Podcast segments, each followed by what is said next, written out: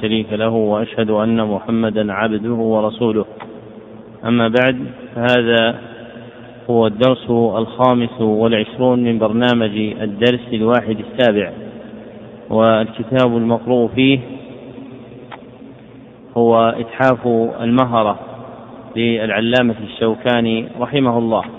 وقبل الشروع في إقرائه لا بد من ذكر مقدمتين اثنتين. المقدمة الأولى التعريف بالمصنف وتنتظم في ثلاثة مقاصد. المقصد الأول جر نسبه هو الشيخ العلامة المحقق محمد بن علي بن محمد الشوكاني. الصنعاني. يكنى بأبي علي.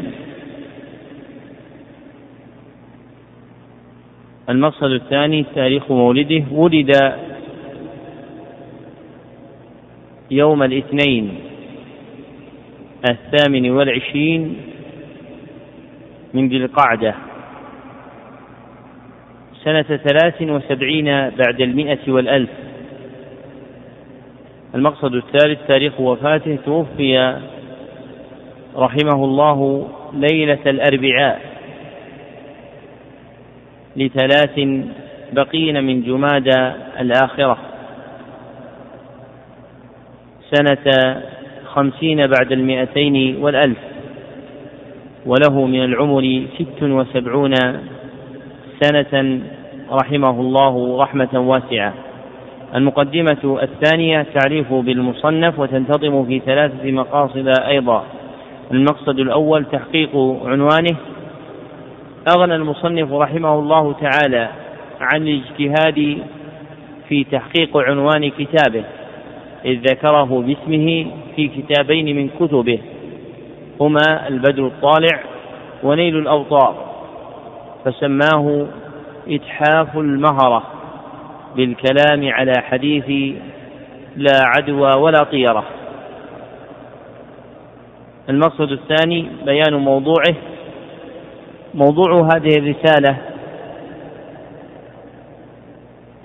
توجيه حديثين شريفين يتعلقان بباب العدوى والطيرة.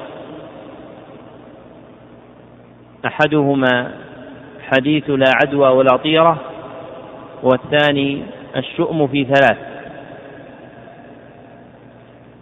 المقصد الثالث توضيح منهجه.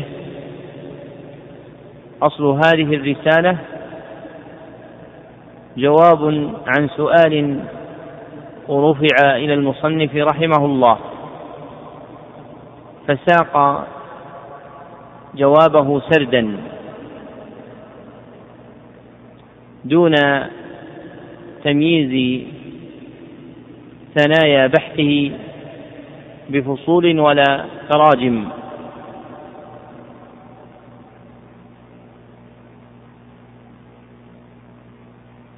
وتظهر فيه الصناعة الأصولية عند الشوكاني. وعامة مجتهدي الزيدية لهم يد طولى في الأصول لأنها أعظم آلة الاجتهاد.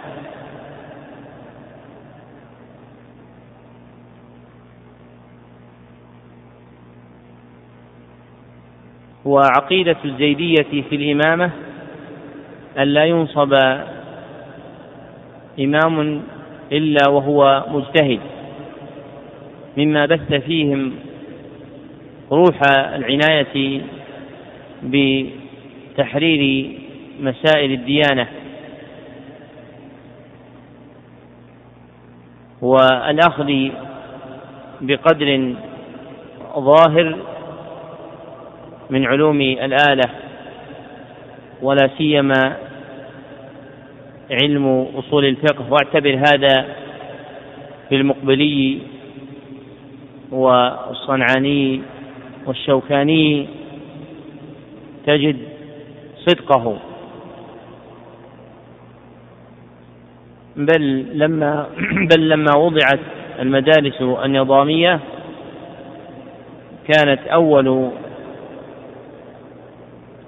مدرسة اشتملت على ما يسمى بالفقه المقارن هي المدرسة المتوكلية التي أسسها يحيى حميد الدين إمام إمام اليمن.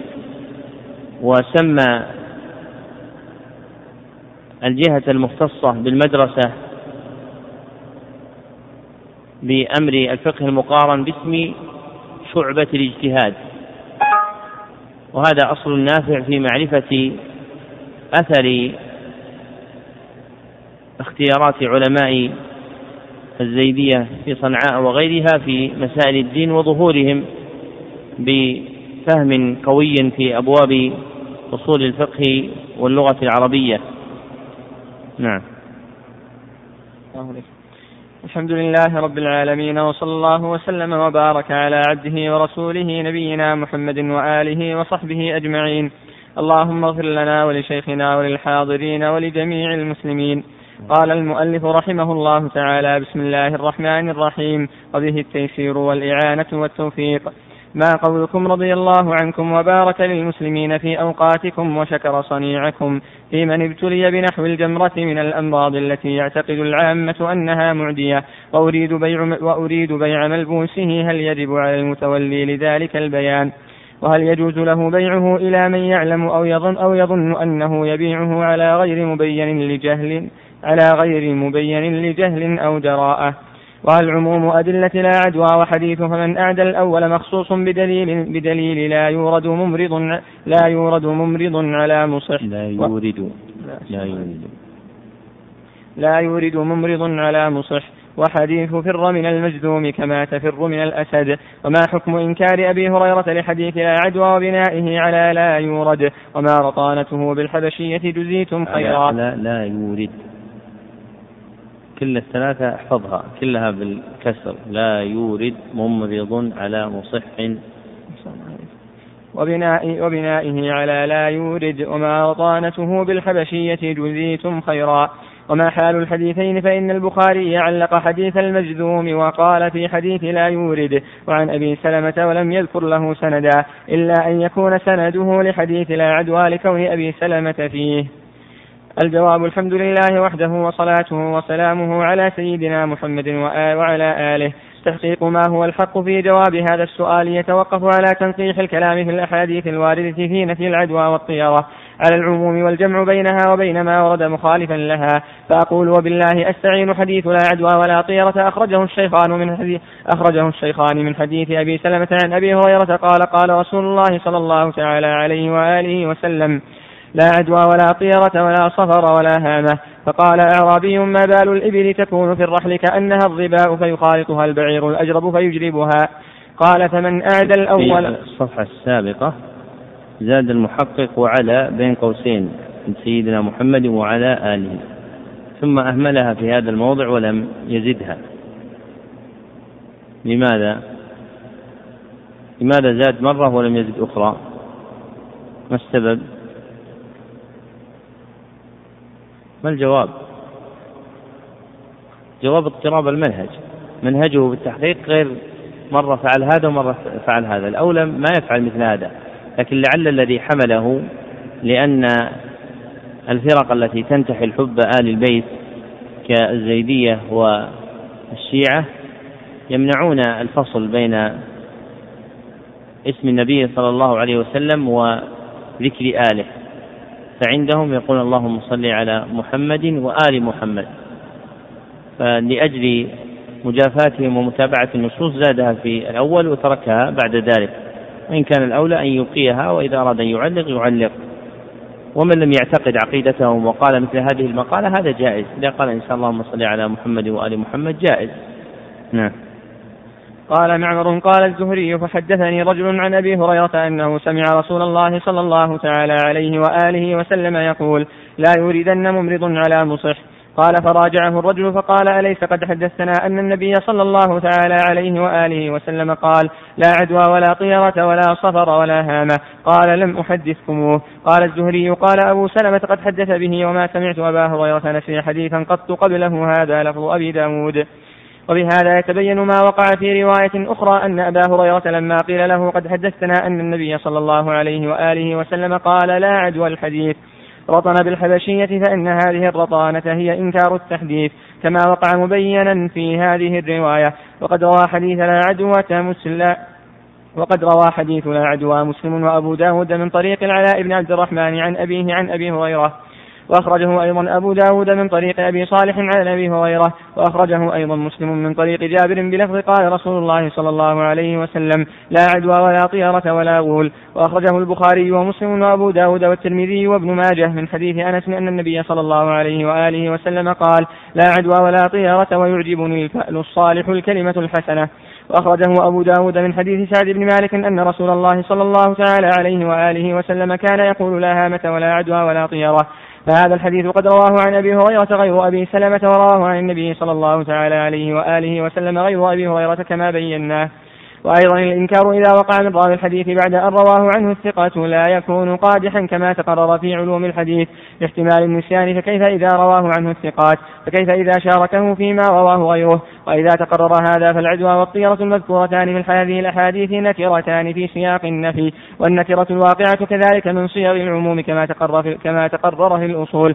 فكأنه صلى الله تعالى عليه وآله وسلم قال ليس شيء من أفراد العدوى والطيرة ثابتا. ومما يقوي هذا العموم ما أخرجه أبو داود والترمذي وصححه وابن ماجه من حديث ابن مسعود عن النبي صلى الله تعالى عليه وآله وسلم قال الطيرة شرك ثلاث مرات وما منا إلا ولكن الله يذهبه بالتوكل. قال الخطابي قال محمد بن إسماعيل يعني البخاري كان سليمان بن حرب ينكر هذا ويقول هذا الحرف ليس قول النبي صلى الله عليه وتعالى عليه وآله وسلم وكأنه قول ابن مسعود. وحكاه الترمذي عن البخاري عن سليمان بن حرب نحو هذا وأن الذي أنكره هو ما منا إلا قال المنذري الصواب ما قاله البخاري وغيره أن قوله ما منا إلا إلى آخره من كلام مسعود مدرج. قال الحافظ أبو القاسم الأصبهاني والمنذري وغيرهما في الحديث إضمار. أي وما منا إلا قد وقع في قلبه شيء من ذلك يعني قلوب أمته. وقيل معناه ما منا إلا من يعتريه التطير وتسبق إلى قلبه الكراهة فحذف اختصارا واعتمادا على فهم السامع. ويؤيد هذا المعنى ما أخرجه أحمد ومسلم من حديث معاوية بن الحكم السلمي. قال قال قال قلت يا رسول الله إني حديث عهد بالجاهلية وقد جاء الله بالإسلام وإن منا رجالا يأتون الكهان. قال فلا تأتهم. قال ومنا رجال يتطيرون. قال ذلك شيء يجدونه في صدورهم فلا يصدنكم الحديث. قال النووي في شرح مسلم معناه أن كراهة ذلك تقع في نفوسكم في العادة ولكن لا لا تلتفتوا إليه ولا ترجعوا عما كنتم عزمتم عليه قبل انتهى. وإنما جعل الطيرة في هذا الحديث من الشرك لأنهم كانوا يعتقدون أن التطير يجلب لهم نفعا أو يدفع عنهم ضررا. إذا عملوا بموجبه فكأنهم أشركوا مع الله تعالى. ومعنى إذهابه بالتوكل أن ابن آدم إذا تطير وعرض له خاطر من التطير أذهبه الله بالتوكل والتفويض إليه وعدم العمل بما خطر من ذلك فمن, توكل سلم ولم يؤاخذه الله بما عرض له من التطير. وأخرج أبو داود عن عر عن عروة بن عامر القرشي قال ذكرت ذكرت الطيرة عند النبي صلى الله تعالى عليه وآله وسلم فقال أحسنها الفأل ولا ترد مسلما فإن رأى أحدكم ما يكره فليقل اللهم لا يأتي بالحسنات إلا أنت ولا يدفع السيئات إلا أنت ولا حول ولا قوة إلا بك. قال أبو القاسم الدمشقي ولا صحبة لعروة القرشي تصح. وذكر البخاري وغيره أنه سمع من ابن عباس وغيره فعلى هذا يكون حديثه مرسلا. وقال النووي في شرح مسلم وقد صح عن عروة بن عامر الصحابي ثم ذكر الحديث وقال في آخره رواه أبو داود بإسناد صحيح انتهى وأخرج أبو داود من حديث قطن بن قبيصة عن أبيه قال سمعت رسول الله صلى الله تعالى صلى الله عليه وآله وسلم يقول العيافة والطيرة والطرق من الجبت والعيافة هي زجر الطير والتفاؤل بها كما كانت العرب تفعل ذلك. والطرق الضرب بالحصى وقيل هو الخط في الرمل. وفي كتاب أبي داود أن الطرق الزجر والعيافة الخط. والجبت كل ما عبد من دون الله وقيل هو الكاهن والشيطان. وقوله لا صفر ولا هامة في الأحاديث السابقة قيل إن الصفر حية في البطن تصيب الإنسان إذا جاع فتؤذيه وكانت العرب تزعم أنها تعديه وقيل هو تأخير المحرم إلى صفر وإلى صفر وهو النسيء الذي كانت تفعله الجاهلية فأبطلها الإسلام وقيل إنه شهر صفر لأنهم كانوا يتنكبون فيه من الشروع في الأعمال كالنكاح والبناء والسفر. والهامة كانت الجاهلية تزعمه أنه إذا قتل قتيل وقف على قبره طائر لا يزال يصيح يقول أسقوني أسقوني حتى يقتلوا قاتله. ومن الأحاديث الدالة على عدم جواز التطير ما أخرجه أبو داود والنسائي من حديث بريدة أن النبي صلى الله تعالى عليه وآله وسلم كان لا يتطير من شيء وكان إذا بعث غلاما سأل عن اسمه فإن أعجب إن أعجبه اسمه فرح به. ورؤي بشر ذلك في وجهه وإن كره اسمه رؤي كراهة ذلك في وجهه. وظاهر ما أسلفناه من الأحاديث أنه لا يجوز اعتقاد ثبوت العدوى في شيء ولا التطير من أمر من الأمور. ولكنه وقد ورد ما يعارض ذلك في الظاهر كحديث الشريد بن سويد الثقفي. عند مسلم والنسائي وابن ماجه. قال كان في وفد ثقيف رجل مجذوم فأرسل إليه النبي صلى الله تعالى عليه وآله وسلم إنا قد بايعناك فارجع. وأخرج البخاري في صحيحه تعليقا من حديث سعيد بن ميناء. قال سمعت أبا هريرة يقول قال رسول الله صلى الله تعالى عليه وآله وسلم لا عدوى ولا طيرة ولا هام ولا صفر وفر من المجذوم كما تفر من الأسد ومن ذلك حديث لا يورد ممرض على مصح المتقدم. قال القاضي عياض وقد اختلفت الآثار عن النبي صلى الله تعالى عليه وآله وسلم في قصة المجذوم فثبت عنه الحديثان المذكوران. وعن جابر أن النبي صلى الله تعالى عليه وآله وسلم أكل مع مجذوم وقال له كل ثقة بالله تبارك وتعالى وتوكلا عليه. وعن عائشة قالت كان لنا مولى مجذوم فكان يأكل في صحافي ويشرب في أقداحي وينام على فراشي. قال وقد ذهب عمر وغيره من السلف إلى الأكل معه ورأوا أن الأمر باجتنابه منسوخ. والصحيح الذي قاله الأكثرون وتعين, وتعين المصير إليه أنه لا نسخ. بل يجب الجمع بين الحديثين وحمل الأمر باجتنابه والفرار منه على الاستحباب والاحتياط. وأما الأكل معه ففعله لبيان الجواز والله أعلم. كذا في شرح مسلم للنووي. والحديث الذي أشار إليه بأنه صلى الله عليه وسلم أكل مع المجذوم أخرجه أبو داود والترمذي وابن ماجه. قال الترمذي غريب لا نعرفه إلا من حديث يونس بن محمد عن المفضل بن فضالة وهذا شيخ بصري والمفضل بن فضالة شيخ آخر مصري.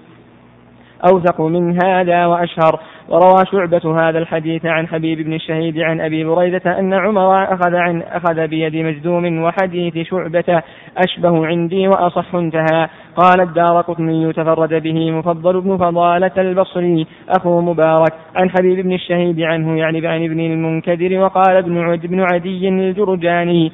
لا أعلم يرويه عن حبيب بن الشهيد غير مفضل بن فضالة وقالوا تفرد بالرواية عنه يونس بن محمد انتهى. والمفضل بن فضالة البصري كنيته أبو مالك. قال يحيى بن معين ليس بذاك. وقال النسائي ليس بالقوي. وقال أبو حاتم يكتب حديثه وذكره ابن حبان في الثقات. قال القاضي عياش. عياض. قال القاضي عياض. قال بعض العلماء في هذا الحديث وما في معناه يعني يعني حديث الفرار من المجذوم. دليل على أنه يثبت للمرأة الخيار في فسخ النكاح إذا وجدت زوجها مجذوما أو حدث به جذام. قال أيضا قالوا ويمنع من المسجد والاختلاط بالناس. قال وكذلك اختلفوا في أنهم إذا كثروا إذا كثروا هل يؤمرون أن يتخذوا لأنفسهم موضعا منفردا خارجا عن الناس ولا يمنعون من التصرف في منافعهم وعليه أكثر الناس أم لا يلزمهم التنحي؟ وقال قال ولم يختلفوا في القليل منهم يعني في أنهم لا يمنعون. قال ولا يمنعون من صلاة الجمعة مع الناس ويمنعون من غيرها. قال ولو استمر أهل قرية منهم بمخالطتهم في الماء فإن قدروا على استنباط ماء بلا ضرر أمروا به وإلا استنبطه لهم الآخرون أو أقاموا من أو أقاموا من يستقي لهم وإلا فلا يمنعون. قال النووي في شرح مسلم في الكلام على حديث لا يورد ممرض على مصح. قال العلماء الممرض صاحب الإبل المراض والمصح صاحب الإبل الصحاح. فمعنى الحديث لا يورد صاحب الإبل المراض على إبله على صاحب الإبل الصحاح لأنه ربما أصابها المرض فعل الله تعالى وقدره الذي أجرى به العادة لا بطبعها فيحصل لصاحبها ضرر بمرضها وربما حصل له ضرر أعظم من ذلك باعتقاد العدوى بطبعها فيكفر والله أعلم انتهى. وأشار إلى نحو هذا الكلام ابن بطال وقال النهي ليس للعدوى بل للتأذي بالرائحة الكريهة ونحوها. حكاه ابن رسلان في شرح السنن. وقال ابن الصلاح وجه الجمع أن هذه الأمراض لا تعدي بطبعها لكن الله سبحانه جعل مخالطة المريض للصحيح سببا لإعدائه بمرضه. ثم قد يتخلف ذلك عن سببه كما في غيره من الأسباب. قال الحافظ ابن حجر في شرح النخبة والأولى في الجمع أن يقال إن نفيه صلى الله عليه وآله وسلم للعدوى باق على عمومه وقد صح قوله لا يعدي شيء شيئا. وقوله صلى الله تعالى عليه وآله وسلم لمن عارضه بأن البعير الأجرب يكون بين الإبل الصحيحة فيخالطها فتجرب. حيث رد عليه بقوله فمن أعدى الأول؟ يعني أن الله سبحانه ابتدأ ذلك في الثاني كما ابتدأه في الأول. قال وأما الأمر بالفرار من المجذوم فمن باب سد الذرائع لئلا يتفق للشخص الذي يخالطه شيء من ذلك بتقدير الله تعالى ابتداء لا بالعدوة المنفية فيظن أن ذلك بسبب مخالطته فيعتقد صحة العدوى فيقع في الحرج فأمر بتجنبه حسما للمادة انتهى. وقد ذكر مثل هذا في فتح الباري في كتاب الجهاد منه والمناسب للعمل الأصولي أن تجعل الأحاديث الواردة بثبوت العدوى في بعض الأمور والأمر بالتجنب أو الفرار مخصصة لعموم لعموم حديث لا عدوى وما ورد في معناه كما هو شأن العام والخاص فيكون الوارد في الأحاديث في قوة لا عدوى إلا في هذه الأمور. وقد تقرر في الأصول أنه يبنى العام على الخاص مع جهل التاريخ وادعاء بعضهم أنه إجماع والتاريخ في هذه الأحاديث مجهول ولا مانع من أن يجعل الله سبحانه في بعض الأمراض خاصية تحصل بها العدوى عند المخالطة دون بعض. وقد ذهب إلى نحو هذا مالك وغيره كما سيأتي في الكلام على الطيرة. وإذا تقرر هذا فالمتوجه على من علم بأن هذا الثوب ونحوه كان لمجذوم أو من أو من أو من أو من مرضه يشبه مرضه في العدوى. ألا يبيعه إلا بعد البيان للمشتري أو بعد أن يصله غسلا يزول به الأثر الذي يخشى تعدي تعديه إلى الغير أو التأذي برائحته. ولا شك أن البيع بدون بيان نوع من بدون بيان نوع من الغرر الذي ثبت النهي عنه. في الأحاديث الصحيحة للقطع بأن الغالب من الناس ينفر عن السلعة التي يقال لها.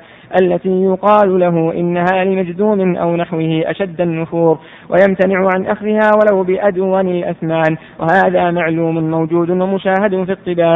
وخلاف ذلك لا يوجد إلا في لا يوجد إلا في أندر الأحوال. ولا اعتبار بالنادر فأي غرر أعظم من هذا وأي خداع أشد منه. وقد تقدم ما حكاه القاضي عياض عن أكثر الناس في أن المجذومين يتخذون لأنفسهم موضعا منفردا عن الناس. ولا شك أن التضرر بذلك أخف من التضرر بلبس ثيابهم والأكل والشرب في أوانيهم ومن حاول الجمع بين الأحاديث بغير ما ذكرناه كلامه أيضا غير مخالف لهذا. فإنه إذا كان الأمر بالفرار من المجذوم لأجل ما يحصل من التأذي برائحته فالتأذي برائحة ثيابه كذلك. وهكذا إذا كان الأمر بالفرار منه لأجل سد الذريعة فربما كان عدم البيان ذريعة إلى الاعتقاد نحو أن يصاب من اشترى ثوب المجذوم ونحوه بمثل عاهته.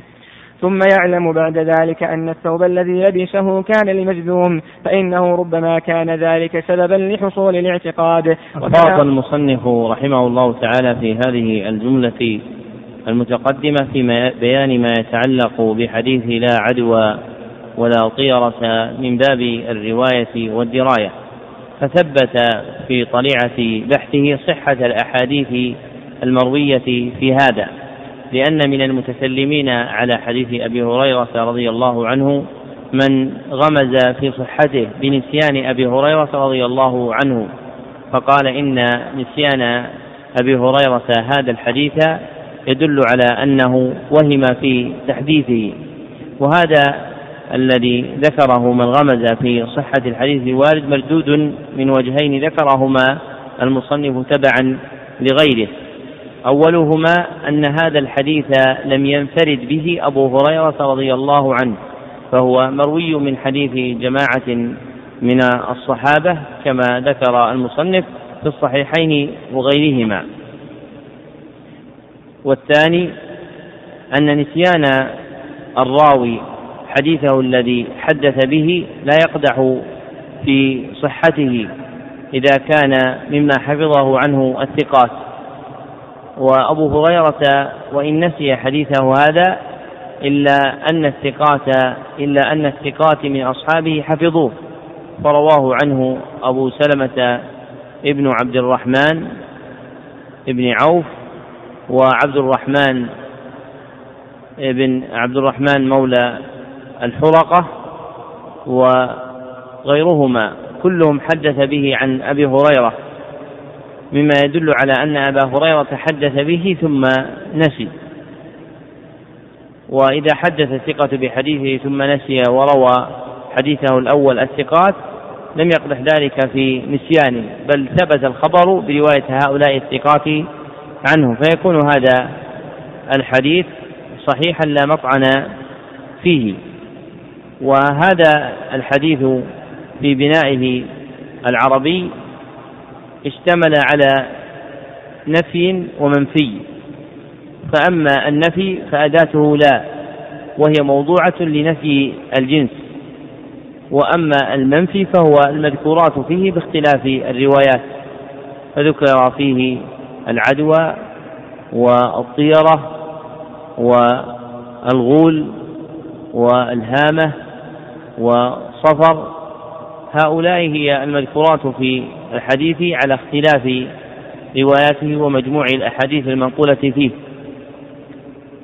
وذكر المصنف رحمه الله تعالى تفسير كل واحد من هذه الأمور ثم بين ما يقتضيه الوضع العربي لما تركب من نفي ومنفي إذا كان النافي هو لا الجنسية. والمنفي نكرة.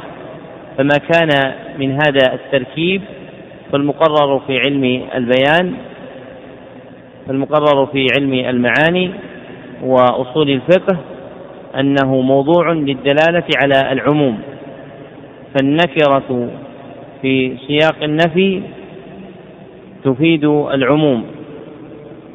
كما قال العلامة بن سعدي إيش؟ أبو عبد الرحمن.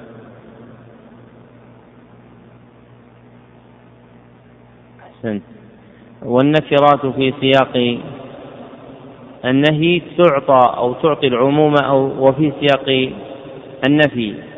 فإذا وردت النكرة في سياق نفي أو نهي أفادت العموم. وهي هنا في سياق نفي فتكون مفيدة للعموم. ويفيد العموم نفي جميع أفراد المنفي.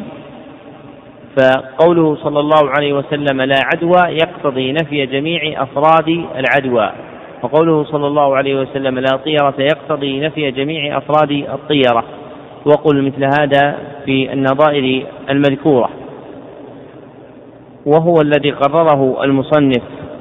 ثم ذكر ما يقوي هذا العموم من كون الشرع جعل الطيرة شركا كما في حديث ابن مسعود الذي أخرجه أبو داود وغيره. وفي هذا الحديث قوله وما منا إلا ولكن الله يذهبه بالتوكل. وهذه الزيادة هي كما ذهب إليه سليمان بن حرب والبخاري وغيرهما أنها زيادة مدرجة ليست من كلام النبي صلى الله عليه وسلم بل من كلام ابن مسعود ومعناها ما منا إلا من يعتريه التطير وقد يقع ذلك في قلبه. وأيد المصنف رحمه الله تعالى هذا المعنى بحديث معاوية بن الحكم لما ذكر الكهان قال ذلك شيء يجدونه في صدورهم فلا يصدنكم. لما قال له ومنا رجال يتطيرون. قال ذلك شيء يجدونه في صدورهم فلا يصدنكم. فالطيرة ها هنا ناشئة مما يتوهمه العباد لا أنها موجودة لأن النفي يقتضي عدم وجودها والمذكور ها هنا يفيد أنها مما يظنه بعض الناس ويقع في خلده. ثم بين المصنف رحمه الله تعالى وجه كون الطيرة شركا وهو ما كانت تعتقده العرب أن التطير يجلب النفع أو يدفع الضرر لأن الطيرة في الأصل ليست التشاؤم وإنما الطيرة زجر الطير. فإذا زجر الطير فإن تيامن تفاءل بتيامنه وإن تشاءم أي أخذ ذات الشمال فتشاءم بصنيعته فأصل الطيرة هي زجر الطير وأثرها هو الذي يتولد بعدها فيكون حاملا على الفرح والسرور إذا وافق مطلوبه أو حاملا على الغم والكربة إذا خالف مطلوبه. ثم نبه عن معنى إذهابه بالتوكل وهو أن العبد إذا صدقت ثقته بربه عز وجل وفوض أمره إليه فإن ما يعرض له لا يضره لأنه يكون كالخاطر الذي لا يؤثر فيه. وإذا عرض مثل هذا الخاطر ثم لم يبالي العبد به وانصرف عنه وتشاغل فإن ذلك لا يقدح في تمام توكله. لكن إذا مال إليه وتعلق به فإنه يكون مؤثرا في كمال توكله. والناس منهم من يستسلم لهذه العوارض ويعمل بها ومنهم من لا يستسلم لها لكن يحدث في قلبه غم وهم. والمؤمن الكامل هو الذي لا يبالي بهذه العوارض بل ينصرف عنها ويتوكل على الله سبحانه وتعالى في تحصيل مطلوبه. ثم أورد بعد ذلك حديث عروة بن عامر عند أبي داود ورجاله ثقات إلا أن عروة هذا لا صحبة له وهو حديث أحسنها الفأل ولا ترد مسلما فإن رأى أحدكم ما يكره فليقل اللهم لا يأتي بالحسنات إلا أنت إلى آخره. وقد تصحف في بعض كلام أهل العلم إلى عقبة بن عامر والمعروف برواية الحديث إنما هو عروة بن عامر التابعي. ثم أتبعه بحديث قطن بن قبيصة عن أبيه العيافة والطيرة والطرق من الجبت وهو في معنى ما تقدم في التحذير من الطيرة وبيان سوء الصيرورة إليها وأنها مما حرم الله عز وجل لأنها من الجبت وهذا الحديث إسناده ضعيف. ثم بين معنى لا صفر ولا هامة وأهل العلم مختلفون في لا صفر على أقوال. منهم من يرى أنها دويبة تسمى بذلك تصيب البطن ومنهم من يرى أنه التشاؤم بشهر صفر ومنهم من يرى أنه تأخير المحرم إلى صفر. ومن أهل العلم من يقول إن المعنى يحتمل هذا كله. وهذا حق باعتبار صلاحية كل معنى لهذا. لكن باعتبار حال العرب فإن الذي يظهر أن المنفي ها هنا تشاؤمهم بصفر. فإن العرب كانت تتشاءم ببعض الأزمان ومنها تشاؤم تشاؤمهم بصفر. وتشاؤمهم بما بين العيدين أي شوال وذي الحجة. فهذا الحديث لنفي ذلك. ثم أتبعه بحديث آخر دال على عدم جواز التطير وهو حديث بريدة عند أبي داود والنسائي بسند صحيح. وفيه أن النبي صلى الله عليه وسلم كان لا يتطير من شيء. وهذا دال على عدم جواز التطير. ثم بين أن ظواهر ما تقدم أنه لا يجوز اعتقاد ثبوت العدوى في شيء ولا التطير في شيء من الأمور أبدا. ثم أورد ما يخالفه وهو حديث أكل النبي صلى الله وهو حديث بيعة النبي صلى الله عليه وسلم لرجل مجدوم لما أراد أن يبايعه. بصفقة يده. قال له النبي صلى الله عليه وسلم إنا قد بايعناك فارجع. ولم يعقد له البيعة بيده. ثم أتبعه بحديث أبي هريرة لا عدوى ولا طيرة ولا همة ولا سفر وآخره وفر من المجذوم كما تفر من الأسد. ثم أتبعه بحديث لا يولد ممرض على مصح. فهذه الأحاديث الثلاثة تخالف في ظاهرها ما تقدم من نفي العدوى.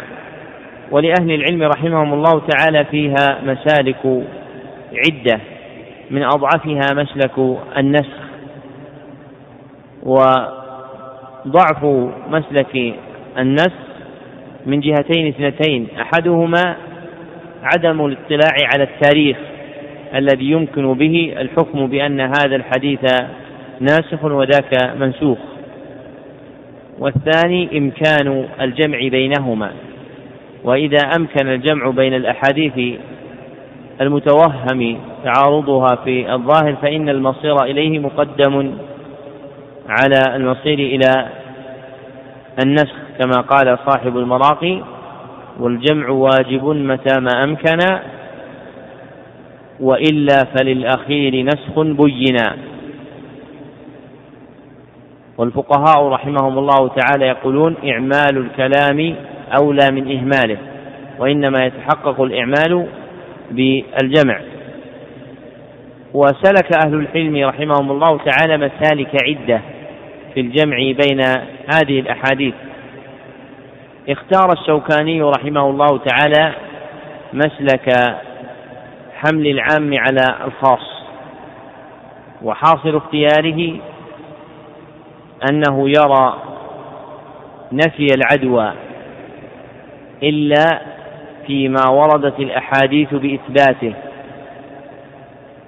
كالجرب والجذام والبرص فهو يرى أن حديث نفي العدوى عام وهذه الأحاديث خاصة فيحمل العام على الخاص ويقضي به. وأظهر المسالك التي ذكرها أهل العلم وأشار المصنف إلى طرف منها مسلك من ذهب إلى التأليف بين الأحاديث بالقول بأن نفي العدوى يحمل على نفي ما كانت تعتقده العرب فيها. وهي وهو أن العدوى مستقلة بنفسها مؤثرة بطبعها. فكانت هذه هي عقيدة العرب في العدوى. يرون أن العدوى تستقل بالتأثير وتؤثر بطبعها. فجاء الشرع بإبطال هذه الدعوة بقوله صلى الله عليه وسلم لا عدوى لنفي ما تعتقده العرب في ذلك. ثم جاءت الأحاديث الأخر كحديث فر من المجذوم فرارة من الأسد وكحديث لا يولد ممرض على مصح وكحديث ترك بيعة المجدوم لتقرير أن الذي يعتقد في العدوى أنها سبب جار تحت سلطان الله عز وجل وحكمه. فلا تكون العدوى مؤثرة بطبعها ولا مستقلة بضررها بل هي تابعة لتقدير الله عز وجل فهي من جملة الأسباب. وإذا شاء الله عز وجل أمضى السبب وإذا لم يشأ الله سبحانه وتعالى منع السبب من تأثيره. فيكون المنفي في نفي العدوى هو كونها تؤثر بذاتها والمثبت هو كونها سببا لانتقال المرض. وبهذا تأتلف الأحاديث. وقد اختار هذا جماعة من المحققين منهم الخطابي والحليمي والنووي في آخرين. ويكون النهي عن إيراد الإبل المريضة على الإبل الصحيحة مع الأمر بالفرار من المجذوم كالفرار من الأسد لقطع الذرائع التي قد تفضي بقلب صاحبها إلى اعتقاد كون هؤلاء المذكورات تؤثر بذاتها. وإذا وثق الإنسان بأنه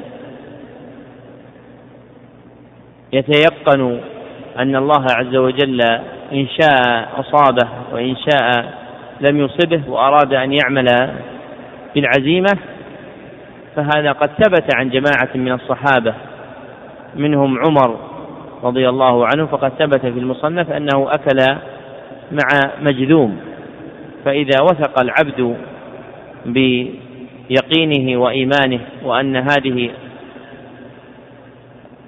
الواردات لا تأتي على قلبه فله أن يفعل ما شاء في هذا. هذا هو الذي يمكن أن تأتلف به الأحاديث في أحسن الأقوال التي ذكرها أهل العلم رحمهم الله.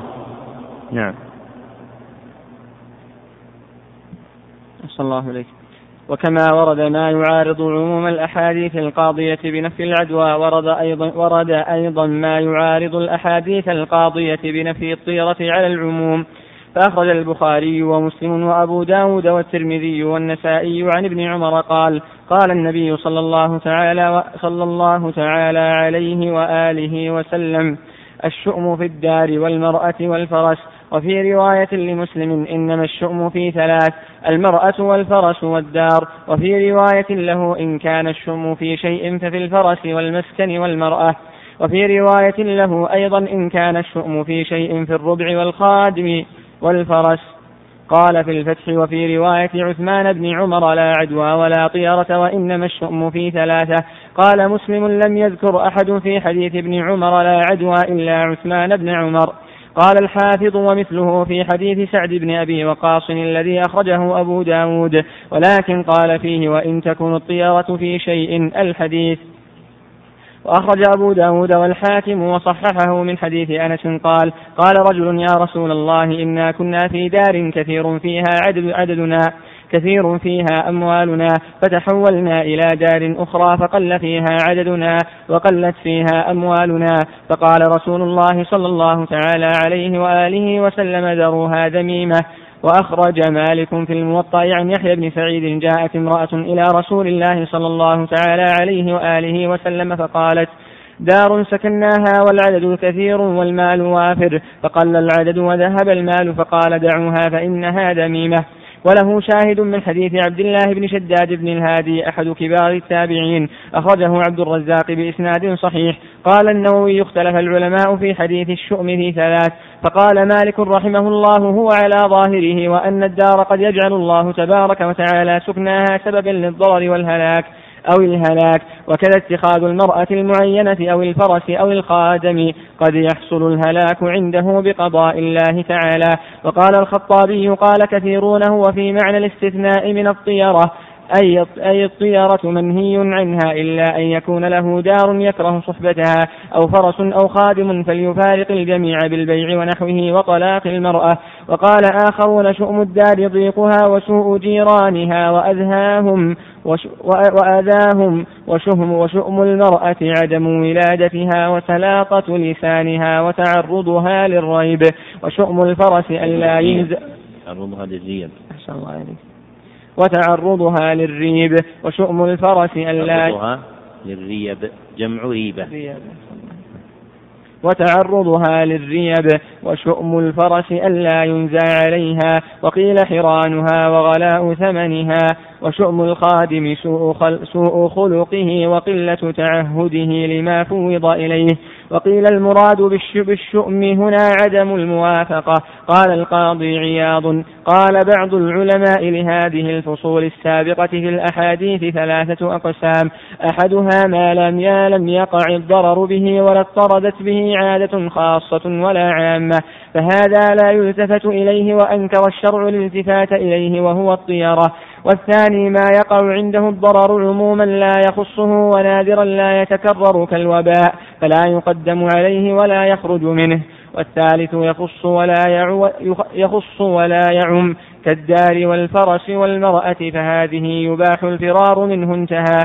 وقال ابن قتيبة وجهه أن الجاهلية كانوا يتطيرون. فنهاهم النبي صلى الله تعالى عليه وآله وسلم وأعلمهم ألا طيرة. فلما أبوا أن ينتهوا بقيت الطيرة في هذه الأشياء الثلاثة. قال الحافظ فمشى ابن قتيبة على ظاهره ويلزم على قوله أن من تشاءم بشيء منها نزل به ما يكره. قال القرطبي ولا يظن به أن يحمله على ما كانت الجاهلية تعتقده بناء على أن ذلك يضر وينفع بذاته فإن ذلك خطأ وإنما عنى أن هذه الأشياء هي أكثر ما يتطير به الناس به فمن وقع في نفسه منها شيء أبيح له أن يتركه ويستبدل به غيره. انتهى. وقد ورد في رواية في البخاري في النكاح بلفظ ذكر الشؤم ذكر الشؤم فقال إن كان في شيء ففي ولمسلم إن يك من الشؤم شيء حق. وفي رواية أخرى إن كان الشؤم في شيء وكذا في حديث جابر عند مسلم وكذا في حديث سهل بن سعد عند البخاري في كتاب الجهاد. وذلك يقتضي عدم الجزم بذلك بخلاف ما في حديث ابن عمر بلفظ الشؤم في, الشؤم في ثلاث.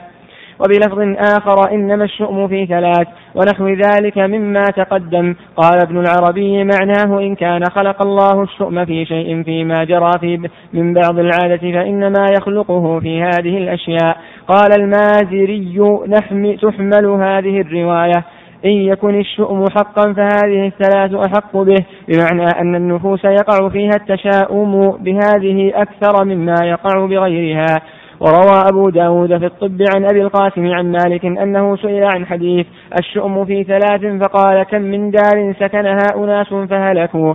قال المازري فيحمله مالك على ظاهره والمعنى أن قدر الله ربما اتفق له ما يكره عند سكن عند سكن الدار. فيصير ذلك كالسبب فيتسامح في إضافة هذه الطريقة التي فعلها المحقق قد اتفق أهل المعرفة تحقيق المخطوطات على عدم صحتها. هي زيادة حرف في كلمة ووضعه بين حاصرتين. ما يفصل عنها. يضع الكلمة ويقول يكتب يكتب ربما ويكتب في تحت في الأسفل يقول في الأصل بما. فزيادة حرف حرف ووضعه بين حاصرتين أو على الصحيح معقوفتين لأن هذا صورة المعقوف فيضعه يغيره ويكتب ربما يكتب الحاشية في الأصل بما. ولعل المناسب للمقام ربما. وأما هذه الصنيعة فغلط. نعم. وقال ابن العربي لم يرد مالك إضافة الشؤم إلى الدار وإنما هو عبارة عن, عن جري العادة فيها. فأشار إلى أنه ينبغي للمرء الخروج عنها صيانة لاعتقاده عن التعلق بالباطل. وقيل معنى الحديث أن هذه الأشياء يطول تعذيب القلب بها مع كراهة أمرها وملازمة السكنى والصحبة. ولو لم يعتقد الشؤم فيها فأشار الحديث إلى الأمر بفراقها ليزول التعذيب. قال الحافظ وما أشار إليه أن هذه الأشياء ولا الأشياء؟ أن هذه الأشياء ولا أن هذه الأشياء مثل ما مثل ما قرأ نعم. دائما إذا جاء اسم الإشارة متوسطا بين أن وما بعدها أو كان وما بعدها فاعلم أن حكمه حكم اسم الإشارة. كما قال تعالى ولا تقرب هذه إيش؟ شجرة. فحكم حكم النص ومثل هذا لأن كثير من الناس يخطئ فيها ويرفعها ظنا أنها الخبر. نعم. قال الحافظ. قال الحافظ وما أشار إليه ابن العربي في تأويل كلام مالك أولى وهو نظير الأمر بالفرار من المجدوم مع صحة نفي العدوى والمراد بذلك حسم المادة وسد الذريعة لئلا يوافق شيء من ذلك من, من ذلك القدر فيعتقد من وقع له أن ذلك من العدوى أو من الطيرة فيقع في اعتقاده ما نهي عن اعتقاده فأشير إلى اجتناب مثل ذلك. والطريق في من وقع له ذلك في الدار إلى اجتناب مثل ذلك. والطريق في من وقع له ذلك في الدار مثلا أن يبادر إلى التحول منها. لأنه متى استمر فيها ربما حمله ذلك على اعتقاد صحة الطيرة والتشاؤم. قال ابن العربي وصف الدار بأنها ذميمة يدل على جواز ذكرها بقبح ما وقع فيها من غير أن يعتقد أن ذلك كان منها ولا يمنع ذم المحل المكروه وإن كان ليس منه شرعا. وقال الخطابي معناه إبطال مذهب الجاهلية في التطير فكأنه قال إن كانت لأحدكم دار يكره سكناه أو امرأة يكره صحبتها أو فرس أو فرس يكره سيره فليفارقه. وقيل إن المعنى في ذلك ما رواه الدمياطي بإسناد ضعيف في الخيل. إذا كان الفرس ضروبا فهو مشؤوم وإذا حنت المرأة إلى بعلها الأول فهي مشؤومة وإذا كانت الدار بعيدة عن المسجد فلا يسمع فيها الأذان فهي مشؤومة.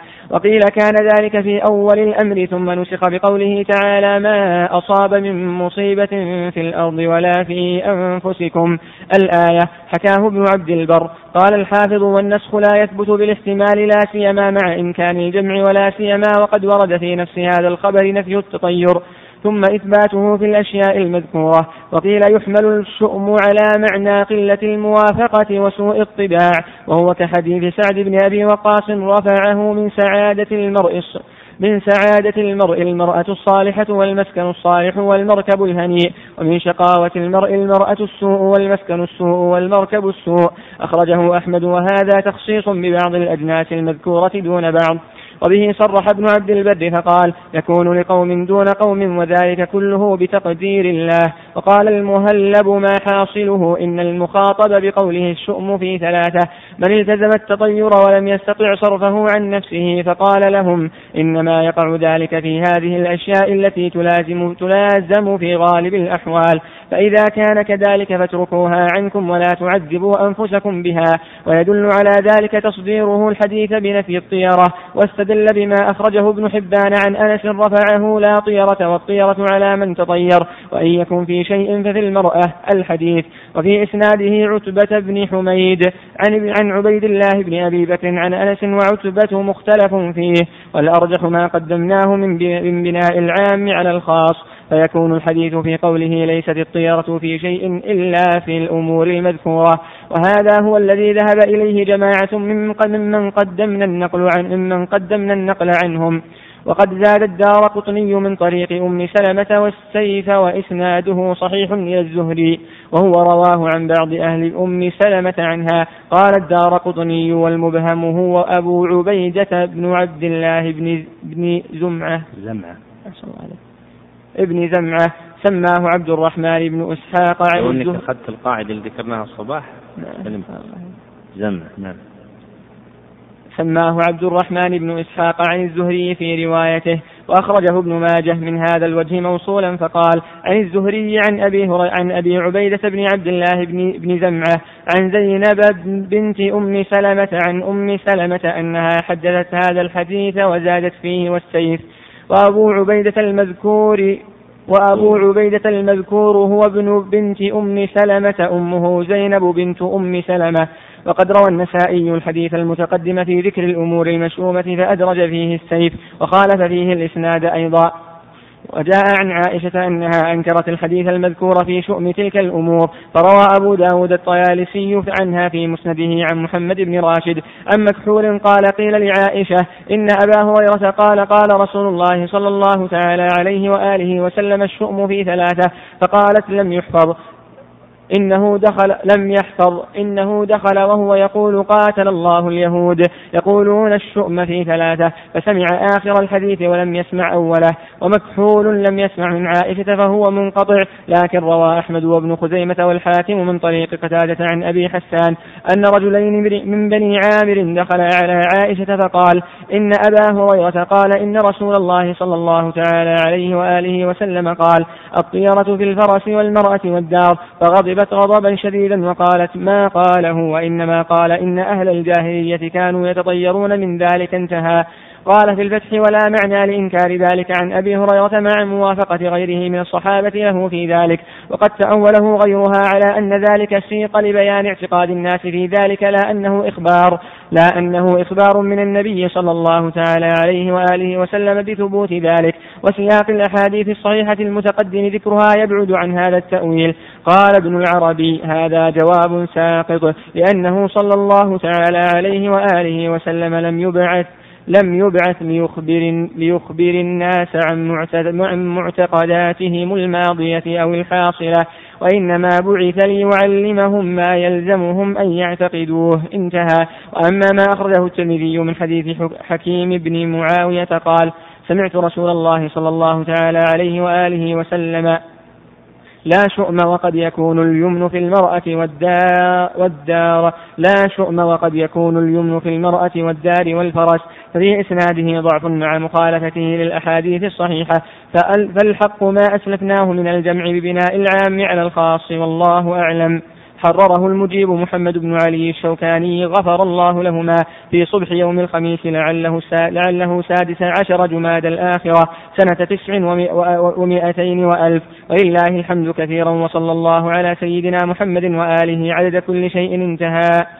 بعد أن فرغ المصنف رحمه الله تعالى من ذكر ما يتعلق بتوجيه حديث لا عدوى شرع يبين ما يتعلق بتوجيه حديث الشؤم في ثلاث.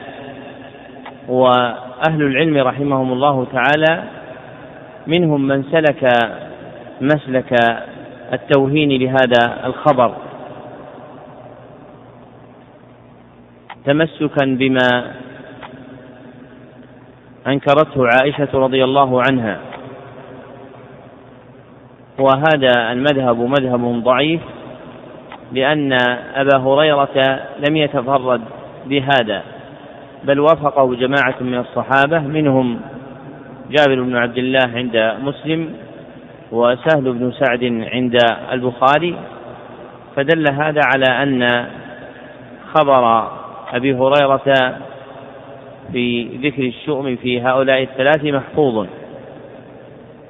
وإذا ثبت أنه محفوظ احتيج إلى الجمع بينه وبين حديث نفي الطيرة المتقدم.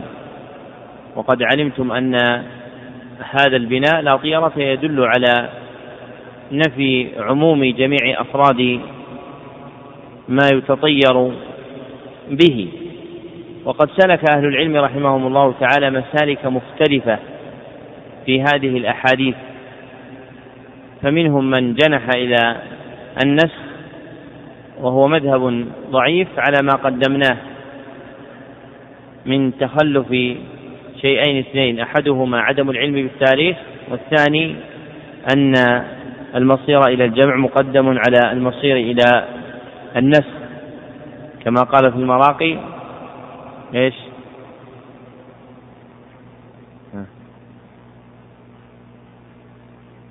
قال والجمع واجب متى ما أمكن وإلا فللأخير نسخ بينا.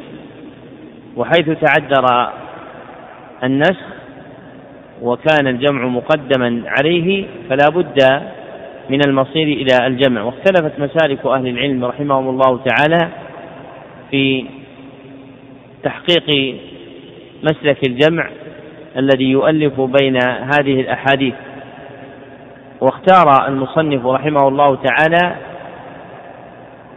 سنو اختياره فيما سلف فاختار أن قول النبي صلى الله عليه وسلم لا طيرة عام وأن حديث الشؤم في ثلاث خاص فيحمل العام على الخاص وتكون الطيرة منفية إلا في المرأة والدار والفرس. وزادت أم سلمة في حديثها ذكر السيف. والصحيح أنه ليس من المرفوع بل هو مدرج. وهذا المذهب مذهب جرى فيه المصنف على إعمال قواعد الأصول وهو صحيح باعتبار إعمالها لكن باعتبار مقصود الشرع ففيه نظر. والصحيح أن الطيرة التي نفيت في قوله صلى الله عليه وسلم لا طيرت ثم أثبت ذكر الشؤم في هؤلاء الثلاث ليست على معنى واحد بل مقصود قوله صلى الله عليه وسلم الشؤم في ثلاث بيان أن هذه الذوات محال للشؤم واليمن. والحرمان والبركة. والنفي في لا طيرة نفي كونها مستقلة بالشؤم والضرر. والجاهلية كان أهلها يعدون المرأة والفرس والدار ذواتا مستقلة بالتأثير في اليمن والبركة. فجاءت الشريعة بنفي هذه العقيدة وبيان أن هؤلاء الثلاث ليست ذواتا مستقلة بالتأثير في اليمن والبركة ولكنها محال لوجود اليمن والبركة كما في الحديث من سعادة المرء المرأة الصالحة. ثم قال ومن شقاوة المرء المرأة السوء. فقد يكون المرأة, محلا لليمن فتكون بركة على زوجها وقد تكون محلا للسوء للسوء فتكون شؤما على زوجها.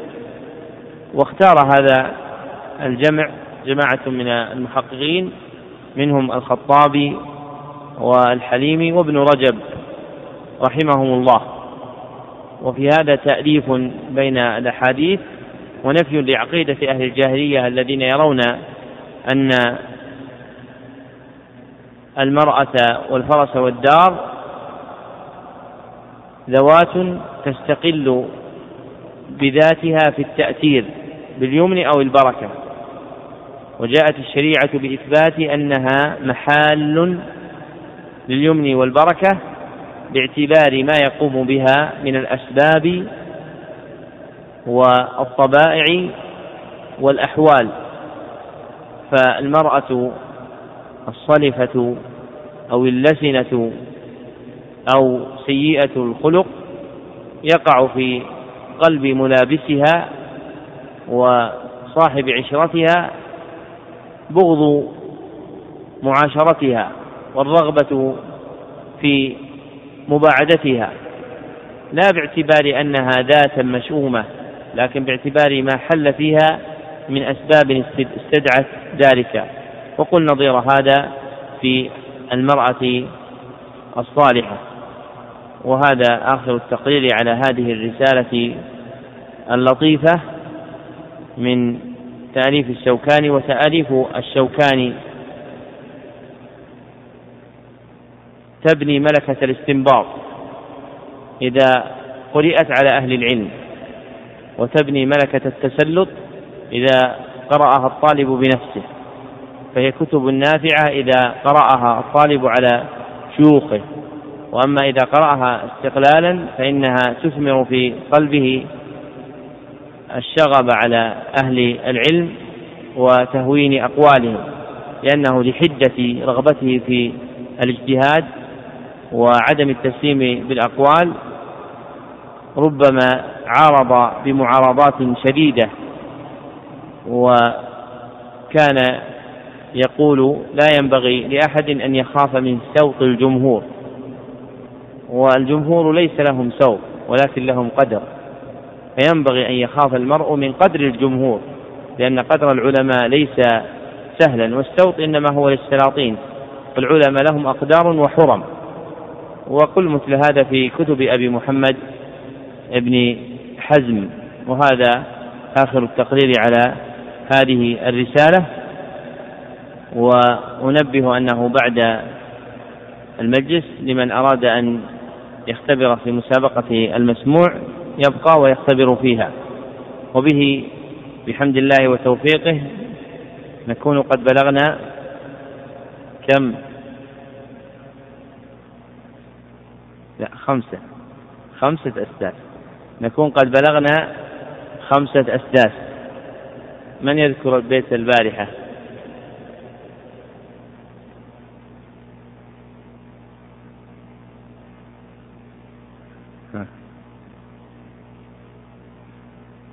أحسنت سواها مستطير. وفي الثلثين يا صحبي سناء فما فرض سواها مستطير. قلنا الثلثين إشارة إلى إيش؟ أرفع الفروض المقدرة. وليس معناها أن حضور الدروس فرض لكن أعلى الفروض المقدرة. واليوم نقول وإذ يبقى من الأسداس سدس وإذ يبقى من الأسداس سدس. كم باقي الآن؟ سدس واحد بإذن الله. وإذ يبقى من الأسداس سدس فلن ينأى عن الصبر البصير. فلن ينأى عن الصبر البصير. يعني لن يتباعد ولن يمل من الصبر. البصير العاقل. وفق الله الجميع لما يحب ويرضى. الله أعلم. صلى الله وسلم على عبده ورسوله محمد وآله وصحبه أجمعين.